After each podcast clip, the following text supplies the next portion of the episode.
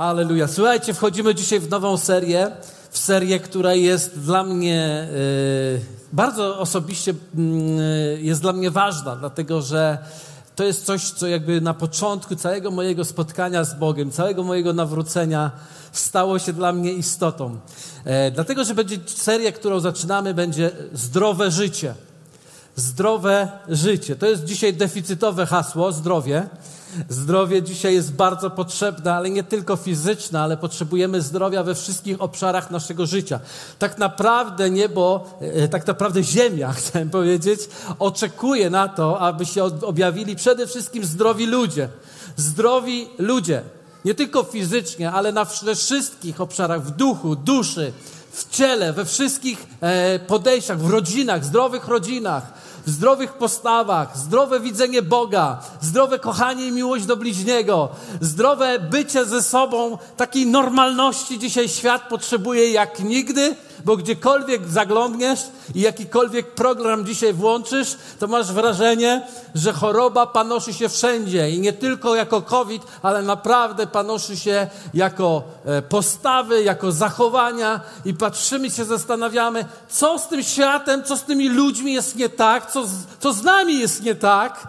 A dzisiaj wierzę w to, że Bóg powołuje ludzi, aby mieli zdrowe życie i aby w ten sposób zaświecili chwałą Jezusa Chrystusa i objawili wszystkim w koło, że Jezus żyje, że On się nie poddaje, że On się nie zatrzymuje, że ma plan i że go na pewno zrealizuje. Amen?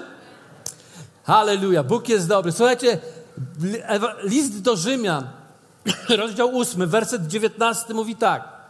Bo stworzenie z tęsknotą oczekuje objawienia synów Bożych. Czyli świat tak naprawdę czeka na objawienie się zdrowych ludzi, ponieważ synowie tutaj użyci, to słowo tu użyte mówi o tych, którzy reprezentują w świeży, zdrowy, normalny sposób Boga, Króla Królów, Pana Panów, tego, nie tego, który przyszedł, aby nas po prostu osądzać cały czas, ale przyszedł, aby nas zbawić, aby przyszedł, aby nas uratować, przyszedł, aby być odpowiedzią Jesteście ze mną? Dlatego tak bardzo chcę mówić o, o zdrowym życiu, a dzisiaj szczególnie chcę mówić o spełnieniu. O spełnieniu, o poczuciu spełnienia w swoim własnym życiu. I to dla mnie jest osobiście bardzo ważne, ponieważ jak wielu znacie moje świadectwo, ale to jest bardzo bliskie mojemu życiu, dlatego że kiedy miałem 6 lat, mój ojciec opuścił moją mamę, Mój dom był bardzo, bardzo, bardzo patologiczny, ale ja sobie myślałem wtedy już, że zrobię wszystko, żeby być szczęśliwym, żeby być spełnionym, żeby mieć normalne, zdrowe życie, żeby mieć normalną, zdrową rodzinę. I ja byłem w takim miejscu, gdzie powiedziałem sobie, ja będę miał inaczej. I wiecie, po dzisiejszej modlitwie myślę sobie, ja mam inaczej. Ja naprawdę mam inaczej. I, I wiecie, chcę wam to powiedzieć. Widzę, że dzisiaj nie ma Eryki, ale nie szkodzi. Chcę wam to powiedzieć, że przez 10 lat od szóstego roku życia starałem się i walczyłem o to, żeby być szczęśliwy, żeby być spełniony. I każda moja próba, każda moja próba spełzła na niczym. Dlatego, że ja miałem w ogóle przestawione rozumienie. Ja miałem przestawione rozumienie, bo ja myślałem, że owoce życia spowodują, że ja będę spełniony. A to się okazało na odwrót, że moje spełnienie dopiero przyniesie mi owoce życia. Ale wiecie, wiele ludzi tak myśli, że jak będzie coś śmiało, że jak będzie czuło pokój, że jak będzie czuło radość, że jak będzie doświadczało e, wielu rzeczy, jak będzie zarobi dużo pieniędzy, jak wybuduje dom, jak się ożeni, jak będzie miał dzieci, jak będzie miał wnuki, wtedy będzie się czuł spełniony. Okazuje się, że żadna z tych rzeczy, oczywiście to jest wspaniałe. Wspaniałe mieć wnuczkę, wspaniałe mieć dzieci, wspaniale mieć żonę, wspaniale mieć e, na, wiele rzeczy wokół. Ale to nie to, nigdy, nigdy to nie przynosi spełnienia, dlatego że się okazało, że ja miałem 16 lat, byłem goło, e, znaczy nic nie miałem. I kiedy nic nie miałem, wtedy przyszedł do mnie, do mojego pokoju, przyszła osoba osoba Jezusa Chrystusa. Okazuje się, że osoba Jezusa Chrystusa to naprawdę is enough, jest wystarczające, żeby poczuć spełnienie w swoim całym życiu. Nic nie potrzebujesz tak naprawdę więcej, aby poczuć spełnienie oprócz osoby Jezusa Chrystusa, który jest wszystkim w Tobie. To, czego my potrzebujemy, to spotkania się realnego z Bogiem. I kiedy 16 lat mając, ja się spotkałem z Bogiem, to coś wybuchło w moim życiu. I ja od tamtego czasu czuję się spełniony. Posłuchajcie, naprawdę nikogo dzisiaj tu nie okłamuję. Od 16 roku życia czuję, że moje życie ma sens. Od 16 roku życia czuję, że jestem szczęśliwy. Od 16 roku życia jestem radosnym człowiekiem. I wiecie, ponieważ to trwa już 34 lata, 34 lata, to wszyscy, którzy są w koło, wiedzą, że nie kłamię, nie mogę. Nie mogę was okłamać, za długo mnie znacie. Wiecie, że jestem człowiekiem szczęśliwym, spełnionym, radosnym, że mam powera, który pochodzi od Niego, od Boga, od Pana, od Króla, dlatego że spełnienie jest niezależne od tego, co masz. Ktoś powie, no ten to ma, musi mieć dobrze. Jeśli myślisz tak, jak ja myślę, że ty myślisz, to się mylisz. Bo prawdopodobnie wszystkiego, co jest tak zwanym e, wspieraczem spełnienia, masz więcej niż ja. A mimo to chcę ci powiedzieć, że możesz ty siedzieć dzisiaj tu w depresji, a ja będę szczęśliwy. Dlaczego? Dlatego, że mamy, kiedy masz Jezusa, masz wszystko, co jest potrzebne ci do życia i do pobożności, nawet jeśli to nie jest najlepszy model. Amen? Amen? Tak jest. Słuchajcie, Biblia nas wzywa do tego, żebyśmy przynosili owoce. Żebyśmy przynosili owoce życia. I Galatów mówi tak, owocem ducha, Galatów 5, 22, 23 mówi w ten sposób. Owocem ducha zaś są miłość, radość, pokój, cierpliwość, uprzejmość, dobroć, wierność, łagodność, wstrzemięźliwość. Przeciw takim, przeciwko takim nie ma zakonu. Czy zauważyliście, że owoc ducha nie dotyczy żadnych materialnych kwestii? Owoc ducha zawsze dotyczy stanu wewnętrznego tego, co jest w tobie, a nie tego, co jest na zewnątrz ciebie. Owoc ducha rodzi się w środku, nigdy na zewnątrz. Owoc ducha nie przychodzi z zewnątrz, owoc ducha wychodzi z wewnątrz. Zatem nic nie potrzebujesz na zewnątrz, żadnych specjalnych okoliczności, żadnych specjalnych sytuacji, aby owocem ducha mieć w środku. Ale owoc ducha nie, przy, nie przynosi się e, od razu. I tak naprawdę, kiedy go w końcu wydasz, to wcale nie oznacza, że wtedy będziesz, zaczniesz być szczęśliwym, zaczniesz być spełnionym. Biblia nas uczy odwrotnie, że najpierw trzeba być spełnionym, żeby potem wydać owoc. Jeden z pięknych takich fragmentów jest Psalm pierwszy, od wersetu pierwszego do, do wersetu trzeciego. Mówi tak: Szczęśliwy mąż, który nie idzie za radą bezbożnych, ani nie stoi na drodze grzeszników, ani nie zasiada w gronie szyderców, lecz ma upodobanie w zakonie Pana i zakon Jego rozważa dniem i nocą. I teraz uwaga, będzie on jak drzewo zasadzone nad strumieniami wód, wydające swój owoc we właściwym czasie, którego liść nie więdnie, a wszystko, co uczyni, powiedzie się. Zwróćcie uwagę. Szczęśliwy człowiek, wiecie, Owoc kiedy przychodzi? We właściwym czasie. Czy owoc jest od razu? Nie. Czy owoc jest za każdym razem? Nie. Ale szczęśliwość, czyli to, co Biblia tu nazywa zasadzonym drzewem nad strumieniami wód, poprzedza zawsze owoc. Dlaczego to mówię? Dlatego, że my mamy mentalność. Jeśli tylko dostanę, będę szczęśliwy. Jeśli tylko pensja moja będzie troszkę wyższa, będę szczęśliwy. Jeśli tylko znajdę partnera życiowego, będę szczęśliwy. Jeśli tylko dostaniemy ten kredyt na mieszkanie, będę szczęśliwy. Jeśli tylko skończy się ta pandemia w końcu, będę szczęśliwy. Jeśli tylko te rzeczy się poukładają i dostanę awans w pracy, będę szczęśliwy. Chcę wam powiedzieć, że ten wstrętny mięsień duchowy, o który mówi będę szczęśliwy, jeśli coś dostanę, on się nigdy nie chce dać nakarmić.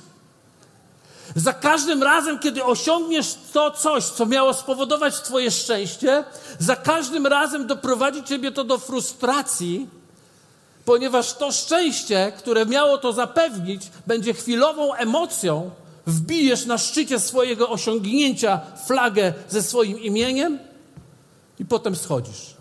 Zauważyliście, że wszyscy, którzy sięgają szczytów, to idą z dołu, a potem wracają w dół?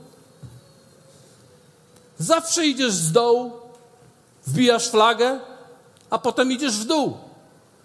Sukces taki tego świata jest tak naprawdę miejscem pomiędzy, umieszczonym pomiędzy dwoma porażkami. Idziesz z dołu swojego życia i myślisz sobie, osiągnę ten szczyt. Osiągasz ten szczyt, uśmiechniesz się, odpalisz szampana, oczywiście piccolo i schodzisz w dół. I od razu schodzisz w dół. I w momencie, kiedy schodzisz w dół, to już wiesz, że jak nie osiągniesz kolejnego szczytu, to nie będziesz zadowolony. Będzie cię to gryzło i będziesz zmęczony. Ale Bóg mówi, że nie osiąganie szczytów, sukcesów czy tych rzeczy jest przyczyną spełnienia, ale On sam jest przyczyną spełnienia. Więc zwróćcie uwagę, co mówi. Najpierw musimy być zasadzeni. Innymi słowy, najpierw musimy być spełnieni, a potem będziemy wydawać owoce we właściwym czasie. Więc jest niesamowite, nie? Wydaje się, że się jest w Królestwie Bożym, że się jest, słucha się tyle kazań. Za każdym razem przekręca to na lewą stronę to, co myśleliśmy do tej pory. Znaczy, my tak może nie myśleliśmy, ale tak żyliśmy. Wiecie, czasami ludzie myślą dobrze, a żyją inaczej, bo myślą tylko dobrze okazjonalnie. Ale i tak żyją tak, że i tak by się to przydało. I tak nie będę zadowolony, dopóki tego nie będę miał. Amen? Zwróćcie, Ewangelia Jana w 15 rozdziale mówi o krzewie winnym jako o byciu relacji z Bogiem, jako wszczepienie w krzew winny. Jezus mówi w ten sposób: Jeśli we mnie trwać będziecie i słowa moje w was trwać będą, powiedzmy razem trwać. Trwać w Chrystusie. Jeśli będziemy, proście o cokolwiek byście chcieli, stanie się wam. Czyli trwanie jest przed staniem się nam. Zauważyliście to? Trwanie w nim jest przed staniem się nam. I dalej, popatrzcie. Przez to uwielbiony będzie Ojciec mój, jeśli obfity owoc wydajecie i staniecie się moimi uczniami. Owoc po raz kolejny widzimy, jest pod tym, jak już trwamy w nim. A jak już trwamy w nim, to już jesteśmy szczęśliwi. Powiedz sąsiadowi, już jesteśmy szczęśliwi, jak już trwamy w nim.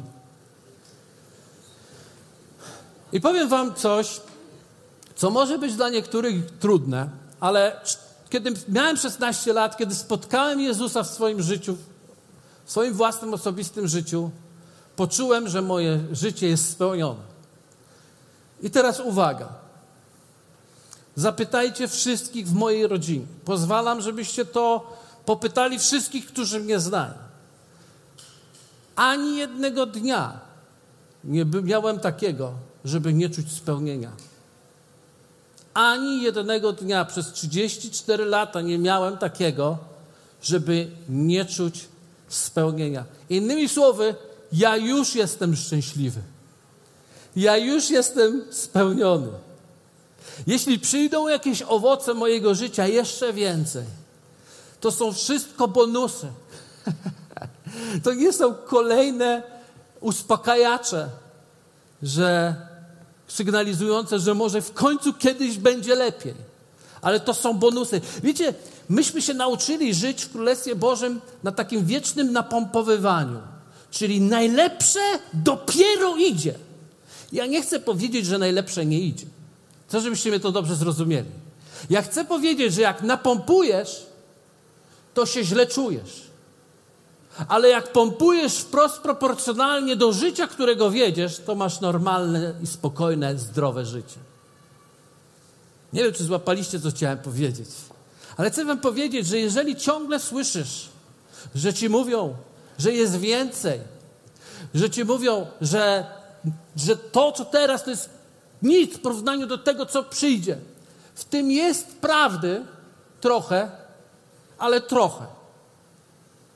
Dlatego, że najlepsze nie może dopiero przyjść, bo najlepsze już masz.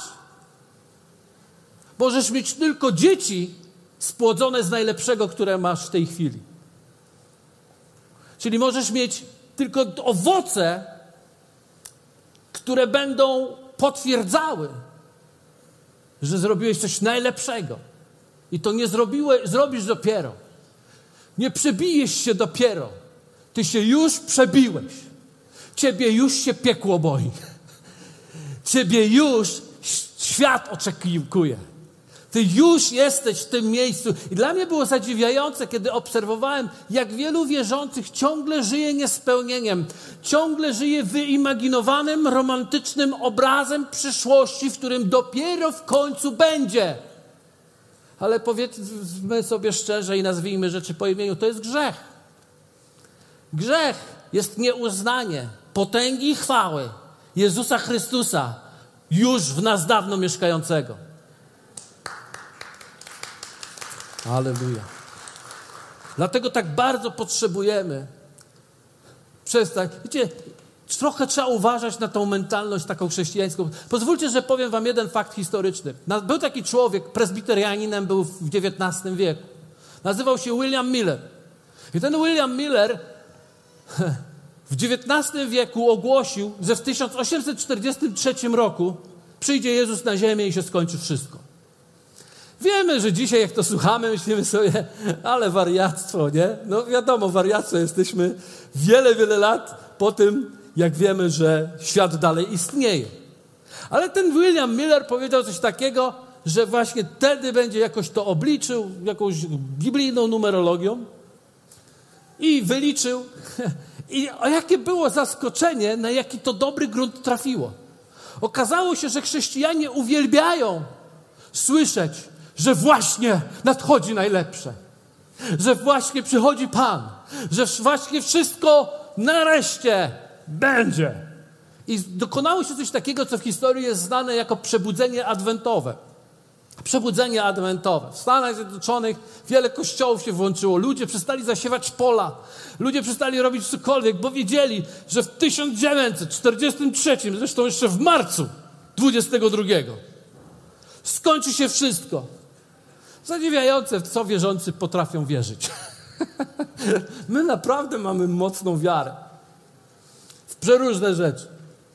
Wiecie, kiedy to tak napompowano i wszyscy zaczęli przychodzić do Chrystusa, oddawać życie Bogu. I przyszedł ten rok 1843, marzec 22, minął ten czas i kiedy minął, rozpoczyna się coś, co jest w historii Kościoła znane jako okres wielkiego rozczarowania. I następuje okres wielkiego rozczarowania, i znowu ludzie się borykają i zastanawiają się i szukają, czy to wszystko ma sens. I wiecie, to nie jest za to Bóg odpowiedzialny, ale to my jesteśmy za to odpowiedzialni, ponieważ zatruwamy takim jakby Biblia mówi, że my będziemy sobie nauczycieli rodzić, które łechcą ucho. No tak, to łechce ucho. Właśnie tu. Już jak tylko, jak tylko w to wejdziesz, to będziesz to miał. Ty już to masz. Boska Jego moc obdarowała Cię wszystkim, co jest Ci potrzebne do życia i pobożności przez poznanie Jezusa Chrystusa. Ale skoro Go znasz, to już to masz. Hallelujah. I już jesteś szczęśliwy, może nie masz wszystkiego, ale jesteś szczęśliwy. Dlatego ja sam w Polsce słyszałem, był jeden prorok, który ogłosił, za 8 lat będzie tu więcej nowonarodzonych wierzących w Polsce niż niewierzących. 8 lat minęło. Prorok nie żyje. Co my mamy zrobić z czymś takim?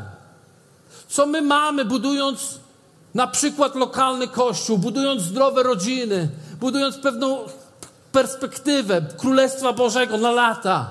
Co mamy zrobić z tymi powiewami rzeczy? Niewiele możemy z tym zrobić. Ale chcę Ci powiedzieć, możesz po prostu się uspokoić i mieć zdrowe życie. I chcę wam przeczytać jeden fragment, który jest bardzo znany z pierwszego Tymoteusza. Tymoteusza. Przepraszam wszystkich, którzy studiują w środę, ponieważ trochę zaspoileruję. Szósty rozdział e, Tymoteusza zaspoileruje trochę. Szósty rozdział, szósty werset. Zacznijmy od tego. I rzeczywiście pobożność jest wielkim zyskiem, jeśli jest połączona z poprzestawaniem na małym. Ja tam dopisałem greckie słowa, tak, żeby było. To jest bardzo ciekawy fragment. Po, pobieżne przeczytanie tego fragmentu może powiedzieć, rzeczywiście pobożność jest wielkim zyskiem, jeśli się e, zostaje na małym. I ma się wrażenie, że jak się e, idzie w te wielkie i tylko chcesz, e, i chcesz mieć coś większego, to to już jest, nie będzie dobre dla ciebie, bo pobożność raczej jest połączona z małym. Ale ten fragment, no, po prostu jest tak przetłumaczony, jak jest, ale chciałbym wam pokazać, co ten fragment oznacza. Po pierwsze, i rzeczywiście pobożność jest połączona z wielkim zyskiem. I mamy tutaj to słowo megas porismos. O ile megas dzisiaj młodzieży nie trzeba za bardzo tłumaczyć, bo to jest dokładnie, ono oznacza to samo, co dzisiejsze twoje mega. Powiesz mega, to znaczy to jest, mega nie pochodzi z, z, ze slangu młodzieżowego. Mega to jest poważny biblijny język. I masz tutaj dowód na to. Megas, czyli wielkie, potężne, mega.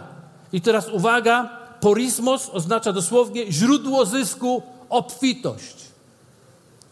Źródło zysku, obfitość. I to słowo nie oznacza tylko tego duchowego źródła zysku i obfitości.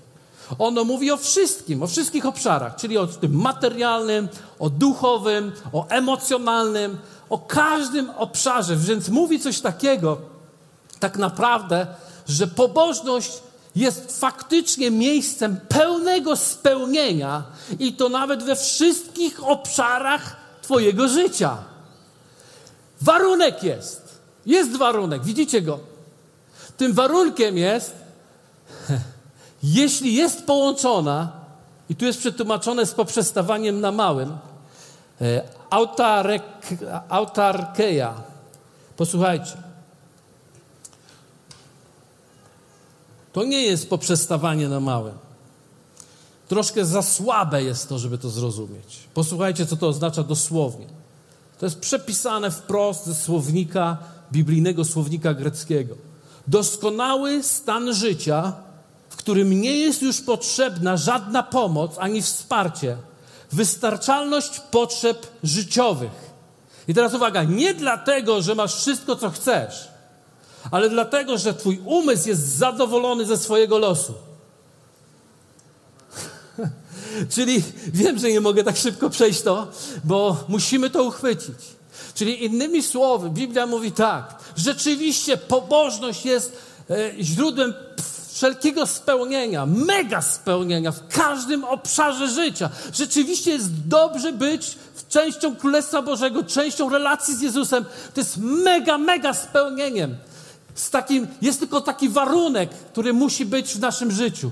Muszę w końcu, muszę w końcu nie czekać na doskonały stan życia, ale wejść w doskonały stan życia nie ze względu na to, co mam, ale ze względu na to, że mój umysł z powodu mojej relacji z Bogiem jest zadowolony i nie potrzebuję już żadnego wzmacniacza, ponieważ jestem spełniony w Chrystusie Jezusie, Panu naszym.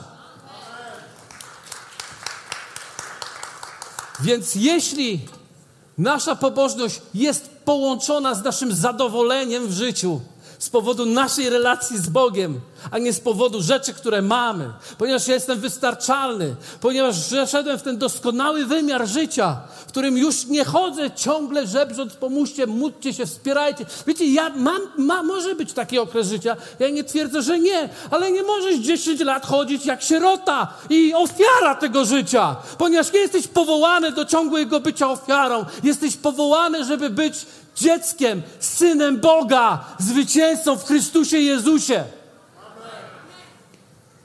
Cieszę się, że Was y, podekscytowałem. Sam też się podekscytowałem. Szósty, siódmy werset mówi tak. Albowiem niczego na świat nie przynieśliśmy, dlatego też niczego wynieść nie możemy. On pokazuje, że to nie jest kwestia gromadzenia, to nie jest kwestia osiągania sukcesów, to nie jest kwestia osiągania zwycięstw. Czego to jest kwestia? Popatrzcie dalej. Jeśli zatem mamy, ósmy werset, jeśli zatem mamy wyżywienie i odzież, znowu takie dziwne tłumaczenie, poprzestawajmy na tym. Ilu z Was chciałoby poprzestać na jedzeniu i, i ubraniu? Niektórzy tak mają. Trzeba im tylko zapewnić e, opiekę w czasie mrozu. Ale wiecie, naprawdę Bogu nie chodziło o to, żebyśmy byli bezdomni, żebyśmy nie mieli nic i poprzestawali po prostu na tym, że mamy co zjeść z lodówki żywności i ubrać się z, z Versaciego na przykład, czyli z second handu. Tak popularnie nazywamy nasz, nasze chodzenie do second handu. Tylko jest tu słowo arkeo. To słowo arkeo dosłownie oznacza to: mieć niezachwianą siłę, być silnym, obronić się przed, odeprzeć atak, być zadowolonym. Niezach, mieć niezachwianą siłę, być silnym, obronić się przed, odeprzeć atak, być zadowolonym. Co to znaczy? To oznacza, że jeśli mamy wyżywienie i mamy odzież, mamy już to wystarczająco, by zacząć toczyć bój z negatywnymi myślami mówiącymi, że masz źle. Amen? Masz wystarczająco już siłę do tego, żeby to odeprzeć i już być zadowolonym i zacząć być wdzięcznym. Mam co jeść, mam co się ubrać, nie mam wszystkiego, ale Bogu niech będą dzięki. I ja nie będę szczęśliwy, jak będę miał dach nad głową. Ja jestem szczęśliwy dlatego, że Jezus Chrystus jest moim Panem i nie da mi zginąć w moim osobistym życiu. Mam nadzieję, że w kimś tam nadzieję wzbudza to słowo, bo ono jest niesamowite. Bycie zadowolonym już w miejscu, kiedy mam po prostu niewiele. Wystarczy. Dlatego, że w Bogu jest to wystarczające. Nie dlatego, że On chce Cię tu zostawić, ponieważ zaczęliśmy, że On chce mega obfitości do Twojego życia. Zatem naprawdę fantastyczne rzeczy przychodzą. A ci, dziewiąty werset, a ci, którzy chcą być bogaci, i słowo bogaci znowu, przepraszam, to nie chodzi o to, że ktoś będzie bogatym, bo Królestwo Boże też jest dla bogatych. Więc jak masz troszkę więcej, nie wychodź jeszcze z tego miejsca. Dlatego, że tu nie chodzi o to, że, żeby w ogóle być bogatym, że Bóg zaplanował, żebyś był biedny. Tak nie jest. W tym fragmencie chodzi o to, posłuchajcie dokładnie, ci, którzy chcą, wciąż chcą więcej.